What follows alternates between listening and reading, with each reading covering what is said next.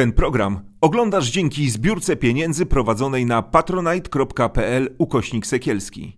Zostań naszym patronem. Dzień dobry, ja się nazywam Artur Nowak, to jest Wysłuchanie. Witam was w ten, e, jak mam nadzieję, majowy, piękny dzień. E, być może poranek, być może południe, być może popołudnie. Spotykam się dziś z wami i zapraszam e, trochę w stronę historii w historii kraju, narodu, który jest na językach, zwłaszcza Polaków od lat. Nie zawsze pochlebnie mówimy o Żydach, a myślę, że receptą na to, to jest stara, sprawdzona, dobra recepta, jest poznanie historii Żydów, narodu żydowskiego. Jest ku temu okazja 75. rocznica powstania narodu żydowskiego. Państwa Izrael, naród żydowski odrobinkę starszy. Państwa Izrael, państwa, państwa Izrael. No i pokazał się nam już pierwszy mój gość, pan Konstanty Gebert. Ja przez wiele lat myślałem, że pan się nazywa Dawid Warszawski, a to pseudonim zdaje się opozycyjny. Komenta... No i to z podziemia, tak, który potem zachowałem, bo e, nikt szczęśliwie nie wiedział, kto to jest Konstanty Gebert, natomiast Dawid Warszawski miał czytelników. Czyli... Gdyśmy wychynęli z podziemia, to zostałem przy pseudonimie. Tak. I profesor Stanisław Obirek, a będziemy dzisiaj rozmawiali na temat książki pana Konstantego, która ukaże się w wydawnictwie Agora. Pokój z widokiem na wojnę. Historia Izraela. Wspominam już o tej okazji. Pierwsze pytanie, które muszę zadać, bo byłem bardzo poruszony tym opisem tułaczki narodu żydowskiego, który czekał 2000 lat na, na swoją państwowość. Jak to się dzieje, że ta państwowość teraz tak nie jest szanowana? Mamy z jednej strony olbrzymi wzrost gospodarczy, w miarę uregulowaną sytuację z sąsiadami. Mówię oczywiście na przestrzeni historii. No, trzeba powiedzieć, że... Że, że, że, że było gorzej. Że, tak. że było, bywało gorzej. Ten dochód narodowy jest myślę, że satysfakcjonujący na pewno w tamtym rejonie i myślę, że plasuje Izrael dość wysoko w różnych ratingach, rankingach. Jak to się dzieje, że to społeczeństwo tak działa na swoją niekorzyść? Oczywiście to jest subiektywna nasza ocena. My mówimy o tym człowieku, który sprawuje tam rządy już od wielu, wielu lat. Czemu Żydzi sobie to robią? Czemu Żydzi sobie zrobili Netanyahu? Tak. A czemu Turcy zrobili sobie Erdoana, Węgrzy Orbana, Amerykanie Trumpa, Polacy Kaczyńskiego, a Francuzi pewnie zrobią sobie w końcu Marine Le Pen. Narody nie są mądre. To już jest stara rzymska maksyma, tak? Senatores boni viri, sed senatus mala bestia. Czy senatorowie dobrzy ludzie, ale senat paskudne bydle w zbiorowości bardzo często głupiejemy. I to równo niezależnie od tego, o jakim narodzie mowa. Ale te zewnętrzne warunki są właśnie no, taką przesłanką tego większego zgupienia jeszcze. No, to, jest tym pewien paradoks. Nie, to czy dlaczego Netanyahu? To to jest właśnie dosyć proste. Jeszcze trzy lata temu nawet jego przeciwnicy musieliby przyznać dobry premier. Rzeczywiście, no, polityka Netanyahu z jednej strony doprowadziła do zupełnie bezprecedensowego wzrostu gospodarczego, acz także równie bezprecedensowego rozwarstwienia społecznego. W Izraelu nigdy nie było tyle biedy, jaka jest teraz, ani tyle bogactwa. Po drugie, tak, owszem, e, ułożenie stosunków z sąsiadami, no, z wyjątkiem najważniejszego sąsiada, czyli tego, który mieszka we wspólnym domu, czyli Palestyńczyków. E, owszem, udało mu się nie wplątać Izraela w żadną wojnę, ale też nie udało mu się na tyle zastraszyć Hamasu, żeby przestrzał walić rakietami z gazy. Mhm. A potem zdarzyła się rzecz dość banalna. Mianowicie Netanyahu został oskarżony o tak, korupcję. korupcję, łapówkarstwo i nadużycie władzy. Y, przed nim takie oskarżenia usłyszał premier Ehud Olmert, który w końcu poszedł siedzieć. Odbywa karę, ale to, to o wiele mniejsze były nadużycia. Niż... Tak, bo nie, bo ludzkość się rozwija, tak? Jeżeli Olmert mógł tyle kraść, no to ja mogę cztery razy więcej. To nie jest tak, że w Izraelu klasa polityczna jest jakoś szczególnie skorumpowana, Ale w Izraelu jest naprawdę niezależna policja i niezależna prokuratura, która po prostu jak widzi dowody przestępstwa, to idzie za tym i żaden telefon z Ministerstwa Sprawiedliwości tego nie zmieni. W związku z tym Bibiemu, bo tak wszyscy na niego mówią, Benjamin Bibi, tak? Bibiemu groziło, że jego karierę zwieńczy nie to, że najdłużej urzędujący premier w historii państwa, tylko że kolejny premier skazany za łapówki i nadużycie władzy tego ścierpieć nie mógł. Wobec tego użył całego aparatu państwa, żeby ukręcić łeb procesowi. E, A jeżeli to znaczyło ukręcenie łba izraelskiej praworządności, no to jemu to się opłaca. Połowa, ponad połowa Izraela jest innego zdania. Przecież to nie jest tak, że Bibi wygrał wybory dlatego, że Izraelczycy nagle go masowo poparli. Wybrał, wygrał wybory dlatego, że otworzył drzwi do parlamentu faszystom, wprowadził ich do środka, potem poszedł z nimi do łóżka. Tak? Połowa Izraela potępia ten sojusz. Połowa Izraela jest od 18 tygodni na ulicach i nie przestaje protestować. Natomiast Bibiemu nie można odmówić jednej cechy determinacji. Niech się państwo zawali, ale mnie nie mogą skazać. Już. No tak, tam doszło do, zdaje się, takiego mm, pre, zupełnego precedensu, kiedy prymat nad władzą e, sądowniczą ma mieć władza ustawodawcza. Mówię o ostatecznych rozstrzygnięciach Sądu Najwyższego. Tam jest w ogóle inny system wyborczy trochę. To też powiedzmy sobie, co ma znaczenie dla e, wyborów e, do e, Knesetu. Stasiu, a ciebie spytam tak trochę od końca, bo mówimy historii. Czym ta historia, ta najnowsza, się skończy? Ach, być prorokiem to jest y, oczywiście powołanie, powołanie bardzo szlachetne, ale ja się trzymam tej definicji proroctwa biblijnego, że prorok to głównie diagnozuje rzeczywistość, w której żyje, a nie wyprzedza. y, nie, nie, nie wchodzi w buty Pana Boga, więc ja e, oczywiście wzorem e, biblijnych proroków tego nie zrobię.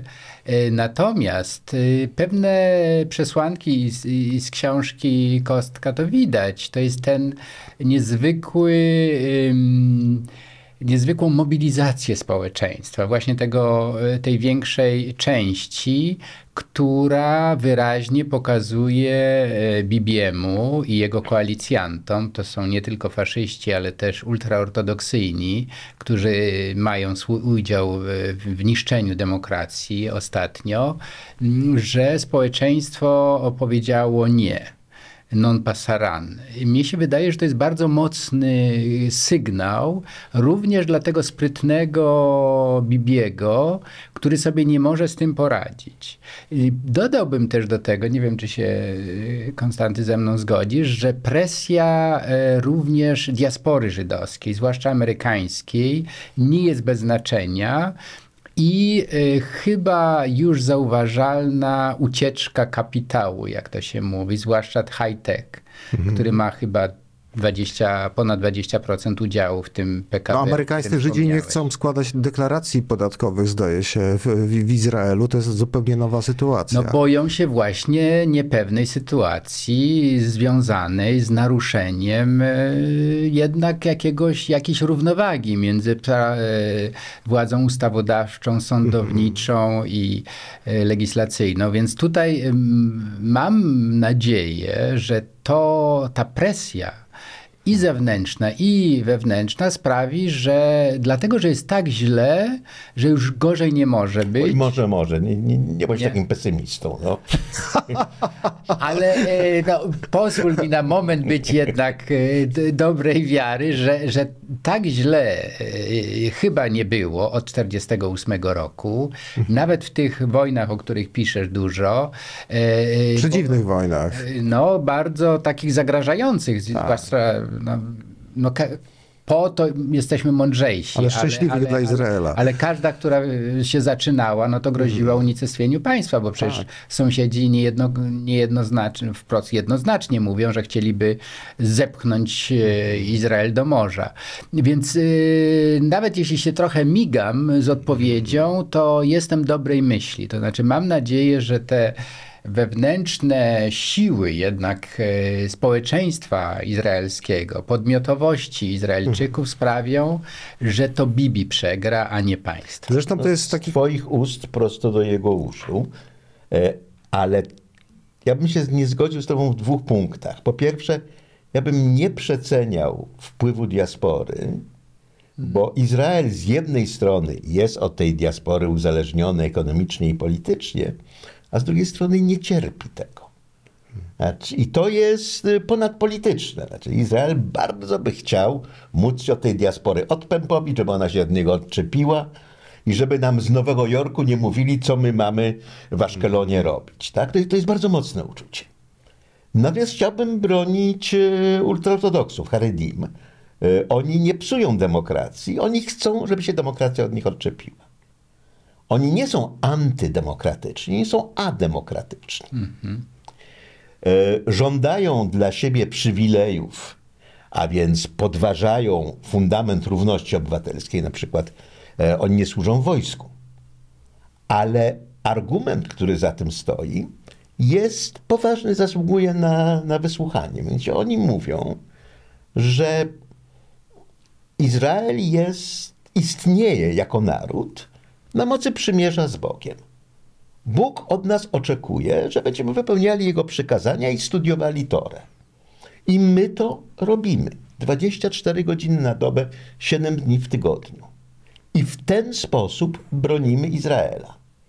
Wy bronicie Izraela w inny sposób, tam nie wiem, no, e, rozwijając produkt narodowy, służąc w wojsku, jeżdżąc samochodami. Proszę bardzo, nam to w ogóle nie przeszkadza, ale dajcie nam bronić Izraela tak, jak Pan Bóg przykazał. Zwróć uwagę, że w tej wielkiej demonstracji poparcia dla rządu, bo po, 18, po 17 tygodniach demonstracji protestacyjnych, rząd, który cały czas mówił, że my wyrażamy wolę suwerena, a tu mniejszość buntuje się przeciwko demokracji na ulicach, postanowił pokazać, jakie ma poparcie społeczne i ogromnym wysiłkiem udało im się zmobilizować 200 tysięcy ludzi. Okej, 200 tysięcy ludzi to nie jest mało, ale na naj... milionowym kraju. Tak, ale na największych demonstracjach przeciwników rządu było 480 tysięcy. Tak.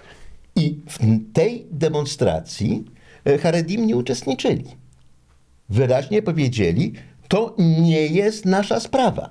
My w ogóle się nie zajmujemy tym, jaki będzie ustrój państwa. My chcemy mieć gwarancję, że my nie będziemy musieli służyć wojsku, bo to demoralizuje i odciąga od studiowania tory.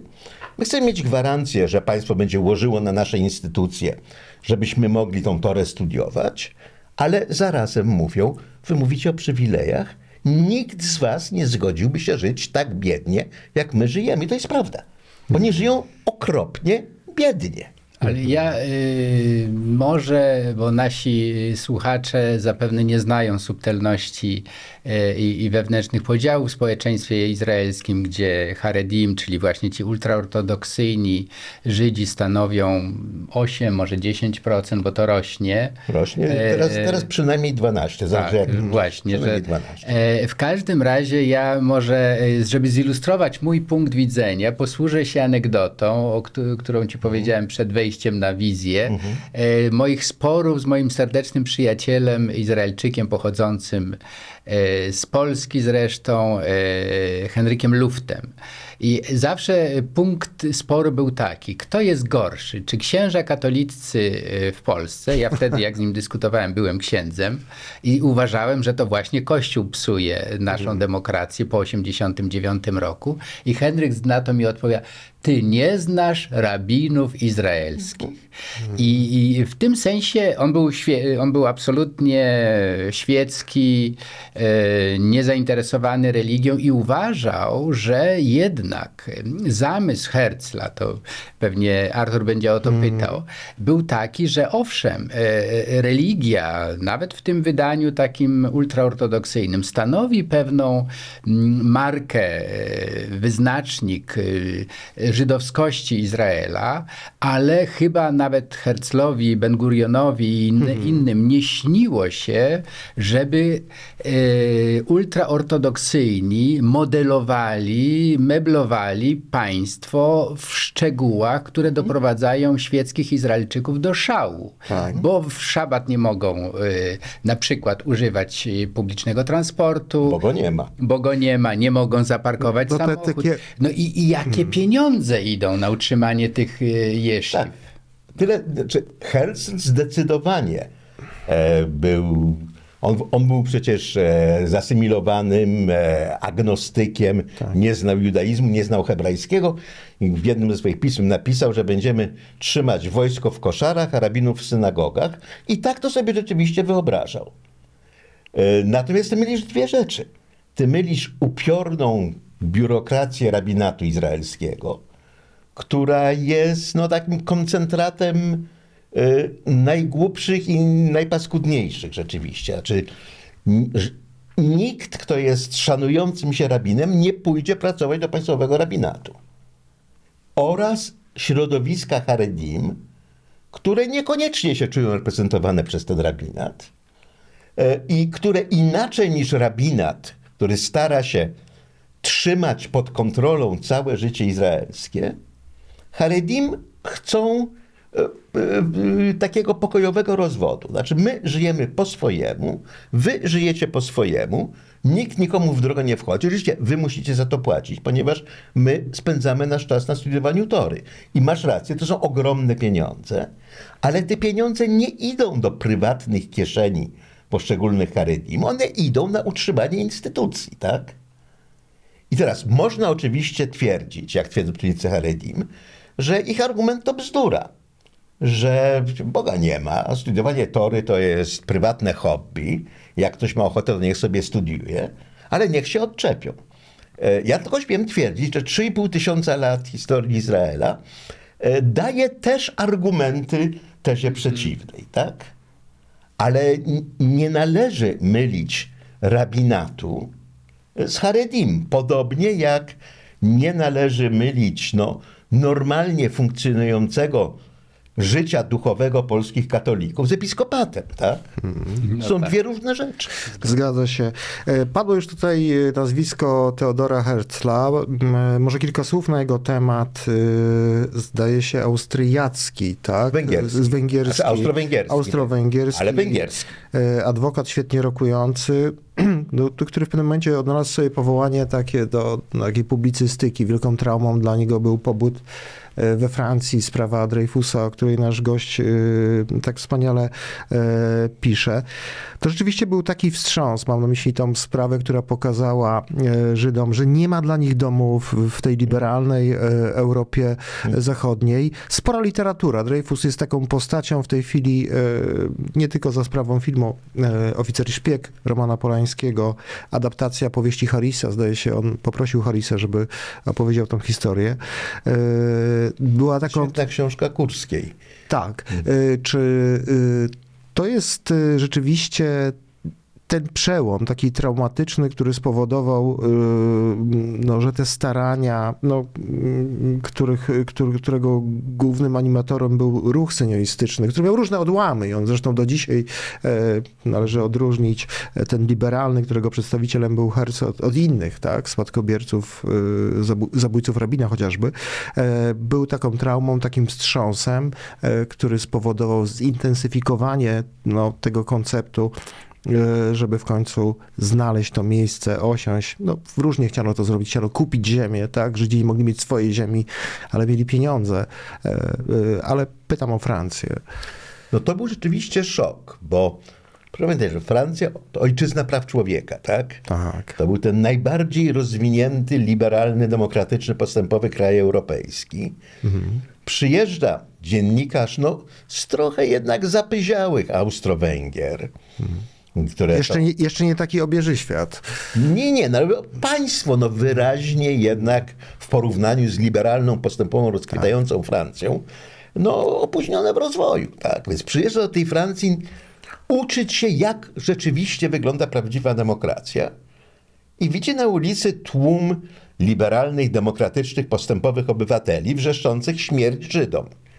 Taki tłum, który chociaż Wiedniem rządził burmistrz antysemita, to wiedeńska policja by rozpędziła. Tak? Przybliżmy tylko naszym e, widzom o co chodziło i słuchaczom. Chodziło o mm, sprawę oficera francuskiego, e, który zosta- któremu postawiono zarzut kolaboracji z Niemcami. Mówimy oczywiście o Dreyfusie, e, który został e, poddany osądowi, skazany na ciężką karę na wyspie, już nie pamiętam.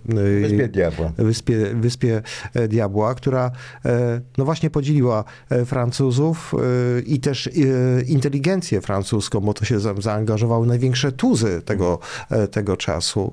Ale kontynuujmy tą historię. No nie, to jeszcze warto Ta dopowiedzieć. oś antysemicka była bardzo ważna, była paliwem dużym. Tak, ale warto jeszcze dopowiedzieć, że w ponownym procesie okazało się, że Dreyfus był niewinny. Olbrzymie lobby było w tym kierunku, Tak, nie no, wojsko sfałszowało dowody. Tak. bo pasowało mu wojskowym, którzy byli wyrazicielami tej konserwatywnej, nacjonalistycznej, w znacznym stopniu katolickiej Francji, żeby pokazać, że Żyd z definicji jest zdrajcą. I nie może być oficerem w wojsku francuskim. No, bu- była ceremonia degradacji z publicznym złamaniem jego szabli. E, Pomnik przedstawiający ten, mom, e, ten moment e, stoi na dziedzińcu Muzeum Żydowskiego w Paryżu. To bardzo piękny pomnik. Więc dla Herzla to był niepodważalny dowód, że jeżeli w najbardziej postępowym kraju świata to się dzieje, to znaczy, że Żydzi nie mają czego szukać w Europie i że muszą wrócić do domu. No, dom ten był częścią Imperium Otomańskiego i Herzl robił e, cudawianki. Znaczy, miał rzeczywiście dwie audiencje z sułtanem, na których przekonywał, że jeżeli sułtan zgodzi się na Ale przypomnijmy też naszym słuchaczom, ja przepraszam, przytrzymam się Oczywiście. tego porządku, Mhm. że dlaczego sułtan, skąd się wziął w tej całej historii, dlatego, że e, no, ziemia, tak, obiecana, e, była wtedy pod e, protektoratem, nie wiem, czy to jest dobre słowo. część in- integralna Imperium Otomańskiego. Tak, nad którym władzę sprawował w, ty, w tym czasie chyba kolonia, Bryt- pod, było to pod... e, Nie, Później. nie, nie, nie. Później. To dużo później co Aha. innego. A, ale- ale... nie, nie, ale to było nie tylko część Imperium Otomańskiego, to było za przeproszeniem zadupie Imperium Otomańskiego. No Jerozolima nawet nie była powiatem.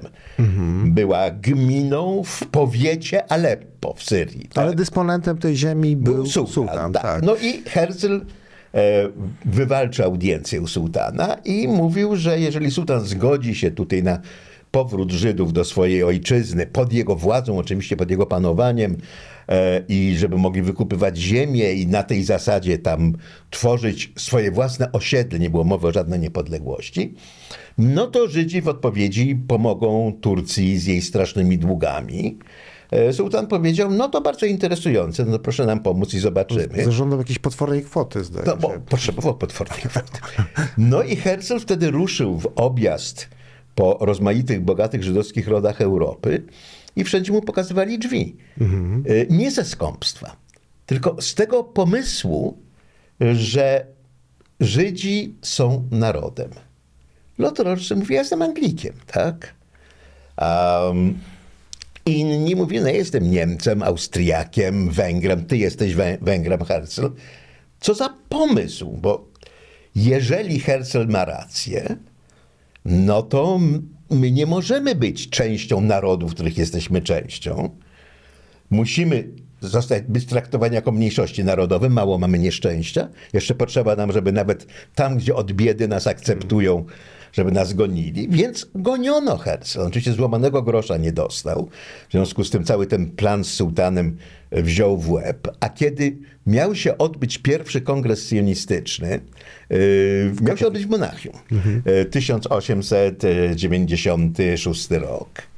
Gmina żydowska w Monachium złożyła donos na policję, że tutaj jacyś niebezpieczni wywrotowcy chcą się w naszym pięknym mieście spotkać, żeby podważać naturalny porządek, bo podczas kiedy zasymilowani Żydzi byli antysionistyczni z obawy, że to może podważyć i prawomocność ich narodowej Statusu, tak, w danym kraju. Mhm. to z kolei religijni Żydzi byli antysionistyczni, ponieważ w tradycji żydowskiej było jasne, że e, Izrael znów będzie państwem po przyjściu Mesjasza.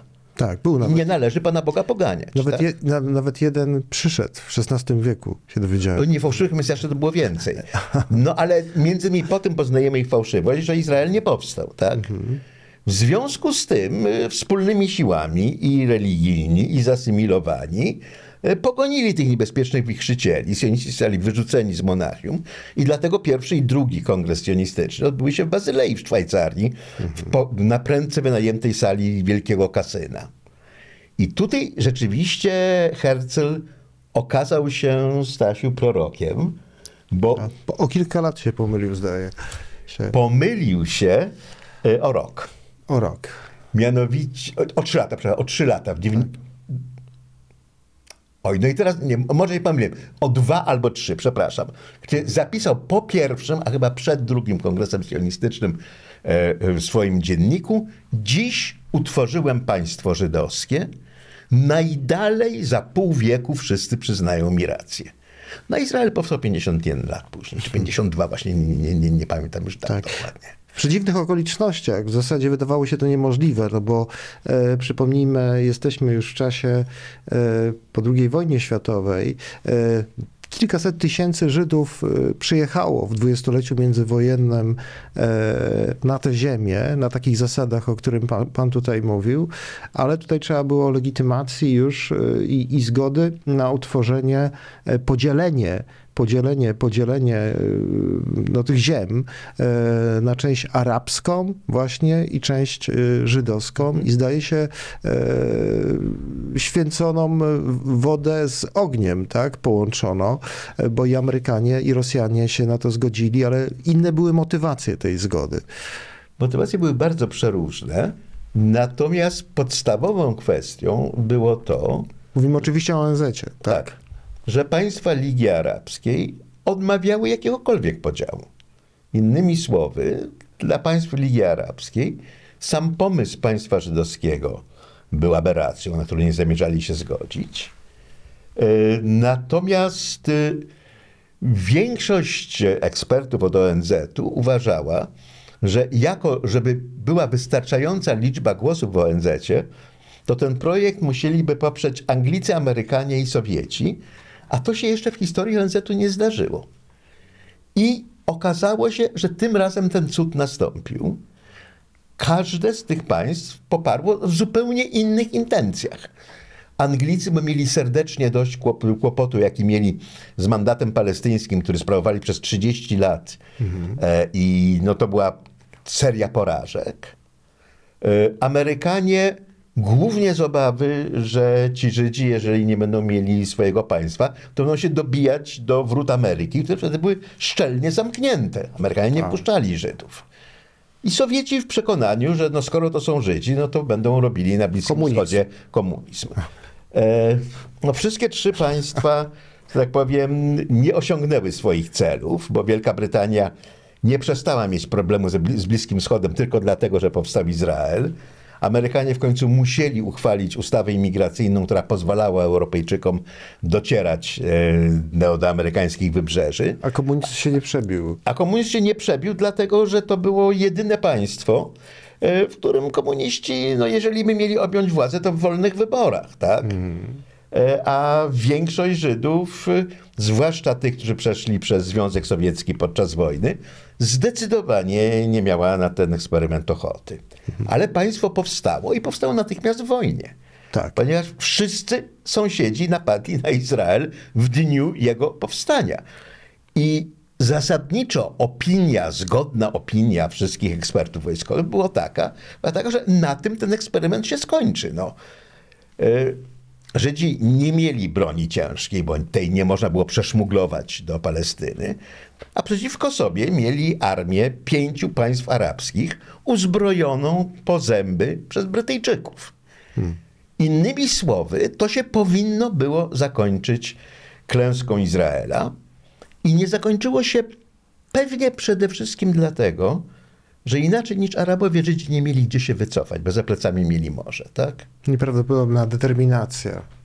Po zagładzie narody bywają zdeterminowane, tak? Mhm, tak.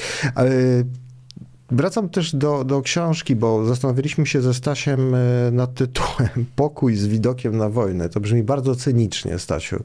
Rozmawialiśmy na ten temat, a może rzeczywiście tak jest. Może e, trzeba się tak usadowić jako obserwator e, właśnie uczestniczący albo zewnętrzny i przyjąć tą perspektywę tej wojny, no bo ta wojna nieustannie towarzyszy tej historii. Ja w pierwszej chwili rzeczywiście miałem taki dysonans poznawczy, jak ten pokój odnieść do wybuchającej co kilka lat y, wojen. Y, I myślę, że jest w tym chyba zamierzona, to nam wytłumaczysz, prowokacja, że wszyscy mówimy o pokoju, ale tak naprawdę jest to stawka żyć albo nie żyć. Tutaj nie ma nie ma e, żartów. I ja bym y, może jako czytelnik książki, ale też jako czytelnik, który, dla którego to nie jest pierwsza książka o Izraelu. I myślę o mm, czytelniku, dla którego to będzie pierwszy kontakt z taką kompletną historią Izraela, że to, że tyle poświęcasz uwagi y, że to sąsiedzi nie zaakceptowali, czyli pierwsza wojna o niepodległość, tak w historii Izraela się nazywa, to była wojna yy, właściwie reaktywna, to znaczy re, Izraelczycy zareagowali na absolutną, jednogłośną negację decyzji e, ONZ. ONZ-u, tak. Przez świat arabski. Tak. Czyli grzech pierworodny jednak późniejszych konfliktów jest po stronie e, Arabów, e, sąsiadów. I, I później mnie się wydaje, że to jest, zresztą to jest taka powiesz, czy ja dobrze cię czytam, ale mam wrażenie, że to jest taka twoja trudna miłość, że do Izraela ty wyraźnie czujesz y, sympatię, życzysz mu dobrze, ale jednocześnie pokazujesz, jak, no jak z tym powstaniem Izraela, jak, jak to jest no właściwie mission impossible. To, to, to, to się nie powinno udać, a jednak, jednak y, to, to trwa, 75 lat się zbliża, zobaczymy, to, to jest dobry prezent dla, na pewno dla y, czytelników polskich, których to interesuje, że mają ten ogląd z różnych stron. I, i to przepraszam, że to powiem, ale mam wrażenie, że dobrze dla statystycznego Polaka zobaczyć, że nasze problemy nie są największe na świecie. Bywa gorzej. Słuchaj, z tym Mission Impossible, to mi się przypomina klasyczny izraelski dowcip ze, ze starych czasów, kiedy jeszcze była w Sowietach kompartia i sekretarz generalny. Otóż Pan Bóg któregoś dnia spojrzał na świat i powiedział: Nie, tego już za dużo. Ja wiem, obiecałem Noemu, ale po prostu to, co oni tam wyrabiają, to jest nie do przyjęcia, więc wezwał do siebie prezydenta USA, sekretarza kompartii, premiera Izraela i mówi: Słuchajcie, przykro mi bardzo, będzie znowu potop. Przecież tak po prostu zmarnowali to, to co ja stworzyłem, że ja wiem, obiecywałem, trudno, nie wyobrażałem sobie, że możecie być aż tak paskudni. Za tydzień będzie potop. No i ci trzej przywódcy wracają na ziemię i prezydent USA wygłasza orędzie do rodaków i mówi moi bracia Amerykanie, mam dla was dwie wiadomości, dobrą i złą. Dobra jest taka, że Bóg istnieje, no a zła, że za tydzień będzie potop. Gęsek przemawia do obywateli Związku Sowieckiego i mówi, towarzyści, mam dla was dwie złe wiadomości. Po pierwsze, Bóg istnieje, a po drugie, za tydzień będzie potop. Premier Izraela przemawia do narodu i mówi, Rodacy, mam dwie świetne wiadomości. Po pierwsze, w ogóle się już nie musimy martwić Arabami, a po drugie, mamy cały tydzień, żeby się nauczyć oddychać pod wodą. Więc Kapitalne. trochę na tej zasadzie to Mission Impossible stało się possible. E, Będąc adwokatus diaboli, e, ja się Arabom nie dziwię. Bo z arabskiej perspektywy to była obca inwazja, tak? No co z tego, że tam było państwo żydowskie 2000 lat temu? No ile tych narodów, które były 2000 lat temu było i nie pamiętamy już No o nich właśnie. w ogóle. Gdyby było więcej takich narodów jak Żydzi, którzy przez tysiąclecia, a choćby setki lat nie zrezygnowali z nadziei powrotu, no to byłoby jakieś prawo międzynarodowe, które by to regulowało, prawda? Nie ma. Jest ten jeden przypadek. No, Arabowie mówią, i akurat na nas musiało trafić.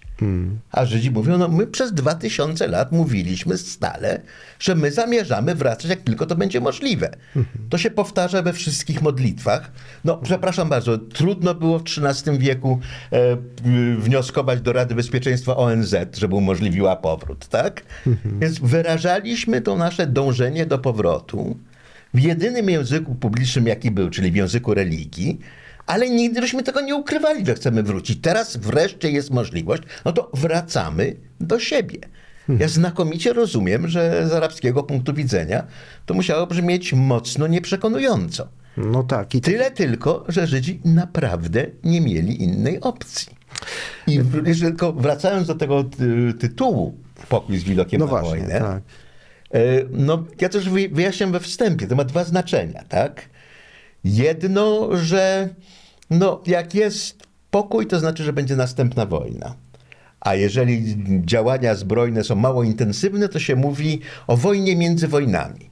Tak jak, jak, jak teraz się mówi. Zresztą nie tylko jest izraelski fenomen. Pamiętam w, w Sarajewie kiedyś ogłosili zawieszenie broni i ja polazłem na linię frontu, tam się ro- rozejrzeć, bo przedtem było niebezpiecznie. I widzę, jak wszyscy skuleni czyszczą te swoje giwery. Ja mówię, chłopaki, no ale nie słyszeliście? Zawieszenie broni. No właśnie, no właśnie. No zaraz na nas uderzy jak zawieszenie broni, tak? Więc y, Tak. taka, takie jest poczucie, że e, pokój jest czymś, co jest przerwą między wojnami. Ale po drugie, ta wojna tam mieszka na stałe. Pokój z widokiem na wojnę, znaczy też dosłownie, że się przez okno widzi wojnę. Są takie mieszkania. Mie- mie- Mieszkałem, pewnie ty Stasiu też, no, te- choćby w kibucach u granic gazy, tak? Gdzie masz przez okno wojnę nie z przerwami, tylko na stałe. To, co mnie interesowało i dlatego w tej książce jest bardzo dużo o wojnach, a dużo mniej na przykład o przemianach społecznych, to jest to, co wojna robi ze społeczeństwem. Masz kraj, który od powstania znajduje się właściwie nieustannie w stanie wojny, tak? Mało tego, w stanie wojny znajdował się odkąd w ogóle pojawiły się perspektywy, że kraj ten powstanie. E, To, że Izraelczycy nie zwariowali wcześniej, to i tak uważam za cud. Natomiast jest to taka presja, że tego nie sposób normalnie wytrzymać, tak? Y, Przez polską prasę swojego czasu przewaliły się w znacznym stopniu zresztą zmyślone relacje o tym, jak to młodzi Izraelczycy demolują hotele, tak?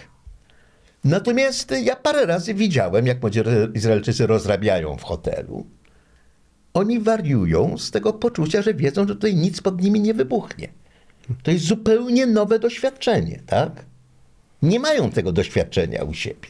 No, wiele jest, powstał, już nie pomnę tytułu, ostatnio film na temat tego, że, że wiele tych młodych ludzi ma tutaj właśnie w Polsce też swoją inicjację seksualną. Powstał Tak. taki y, film na ten temat. E, Mówiliśmy o tym e, syjonistycznym ruchu syjonistycznym. On, on, on miał różne swoje barwy, różne odnogi. To do dzisiaj zresztą jest e, żywe.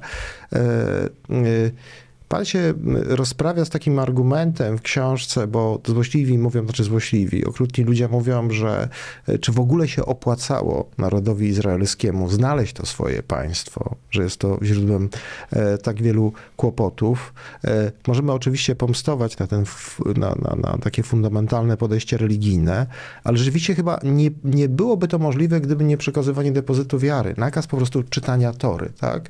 Mm, który, któremu e, towarzyszyło to, że, że ten język jednak się ostał. Pewien elitarny, inkluzywny sposób komunikacji, e, bo to jest rzeczywiście fenomen, bo ja chyba nie znam takiego drugiego narodu, e, który by bez państwowości, chyba nie ma takiego przykładu Romowie. w historii. Romowie, Tak. pan mówi. Ale chodzi mi też o tym, żebyśmy na, na końcu powiedzieli o takim awersie tego, czyli o wrażliwości, bo to też słyszałem od pana nieraz, e, na sytuację e, mniejszości osób e, wykluczonych. To nie jest e, przypadek, że to właśnie elita żydowska w Europie e, jawnie postawiła się e, Hitlerowi jest ważnym elementem lewicowego myślenia liberalnego o społeczeństwie. To chyba też jest e, wpisane w tą historię i z jednej strony mamy tą wielką traumę, o której pan mówi, że ten naród nie zwariował, ale z drugiej strony no, wielkie, wybitne postacie, e, które były depozytoriuszami wartości właśnie europejskich, praw człowieka e, i tak dalej. Konflikt Ormian można tutaj chociażby wspomnieć, sytuację Tutsi i Hutu. Ja nie wiem, pewnie wymieniłbym wiele przykładów. Tam się pojawiają wielkie nazwiska żydowskie, które jednak mają w sobie taki wewnętrzny, niemalże religijny chyba, jakiś taki przymus do tego, żeby stać No tak, po stronie no tak ale z drugiej słabych. strony y, nie, nie życzyłbym panu być Arabem w Izraelu. W tym Hmm. Izraelu zbudowanym przez prześladowaną mniejszość, sytuacja mniejszości arabskiej Ale i tak ta sytuacja, przepraszam, że się wtrącę, się zmienia. Ona jest zupełnie inna teraz, zupełnie inna No dobra, była. no to jest to samo, co by panu mówili Mhm. w Polsce międzywojennej, że tak, no Żydom jest lepiej, no przecież prawie już ich nie biją, prawda? Mhm. Nie, rzeczywiście się zmienia, natomiast pozostaje fakt, jak pan spojrzy na wszystkie wskaźniki socjoekonomiczne, e, Arabowie są dyskryminowani. Nie są dyskryminowani politycznie, mają pełnię praw politycznych, natomiast zdecydowanie są dyskryminowani społecznie, e, bywa, że instytucjonalnie. A to się bierze z czegoś takiego. Żydzi jeszcze nie uwierzyli, że są w Izraelu większością. Oni się nadal postrzegają jako mała mniejszość zagrożona przez 120 milionów Arabów, z których kilka milionów mieszka w Izraelu, ale to w ogóle jest bez znaczenia, bo konflikt jest z całym światem arabskim i w związku z tym musimy się bronić. My jesteśmy mała, prześladowana mniejszość. Na co oczywiście izraelscy Arabowie pukają się w głowę i mówią, słuchajcie chłopaki, no macie państwo od 75 lat, zbudowaliście je tak, jak żeście chcieli, wygraliście wszystkie wojny, któreście stoczyli. Nie no, struktura narodowościowa jest dość jasno oparta na, na Żydach. To jest 6 milionów chyba na 8. Nie wiem, czy się... Y, No nie, jest, jest, jest więcej. Ale 20% to są nie Żydzi, tak? To są e, Arabowie muzułmańscy albo chrześcijańscy, ale także Druzowie, Czerkesi, Beduini, którzy nie są Arabami. Proszę im nie mówić, że są Arabami, można nożem za to dostać. E, Żydzi zachowują, będąc większością, zachowują się jak mniejszość. Y, Co po pierwsze doprowadza do tego, że ta mniejszość... To trochę jak Polacy sobie pomyślałem. no więc pan, na tym polega... Ciągle się boją, że przyjdzie jakiś Holender i ich tutaj homoseksualizuje. No więc, no to jest tak, że jak ja próbuję jakimś znajomym z zagranicy tłumaczyć polską scenę polityczną, to oni wymiękają najdalej po 10 minutach, mówią, że to jest zbyt skomplikowane, zbyt dziwaczne, nic nie rozumieją. Izraelczykom wystarczy przetłumaczyć nazwy partii. Nasz Likud nazywa się PiS. E, Nasz Kahol Belawan nazywa się Platforma Obywatelska. Nasz Szas nazywa się PSL. Nasza Awoda nazywa się SLD i tak dalej. I oni natychmiast wszystko rozumieją. Bo to jest ta sama nieszczęsna nadwiślańska kultura polityczna. Nie sposób zrozumieć, dlaczego Kneset jest tak dramatycznie dysfunkcjonalny, jeżeli się nie wie, że regulamin Knesetu e, pisał Haver HaKneset Ishak Grünbaum, który w okresie międzywojennym był posłem do większości polskich sejmów i użył regulaminu Sejmu jako podstawy do regulaminu Knesetu. Y, Jak pierwszy raz przyjechałem do Izraela, e, w ogóle bez żadnego hebrajskiego, to moi izraelscy znajomi się strasznie dziwili, że ja znam takie idiomatyczne hebrajskie słowa jak balagan i protekcja. No chłopaki, no. Ja, ja jestem z tego miejsca, gdzie to wymyślono, tak? Więc tutaj te podobieństwa porażają tak samo, jak endecja jest ta sama, no. No tak. Tak samo zarozumiała, tak samo bezmyślna. Nienawistna. Tak, no, to jest dokładnie to samo, niezależnie od tego, czy to jest nad Wisłą, e, czy to jest e, niedaleko Jordanu, bo nie nad Jordanem, tak. Bo cała ta kultura polityczna środkowoeuropejska, łącznie z mesjanizmem politycznym, łącznie ze świadomością, że świat sobie znakomicie da radę bez nas. Były te, takie okresy, kiedy Żydzi nie mieli państwa, był taki okres, kiedy Polska nie miała państwa, jakoś nikt na tym nie płakał, tak? że nikt nas i tak nie rozumie, a my jesteśmy najlepsi, no to jest rozpaczliwie tożsame po obu stronach. I może między innymi dlatego tak nam jest się trudno dogadać Polakom i Żydom, że zbyt dobrze się rozumiemy. To jest jak w tym starym żydowskim dowcipie. Goldberg, ja ci życzę tego, co ty życzysz mnie. Och ty świnio!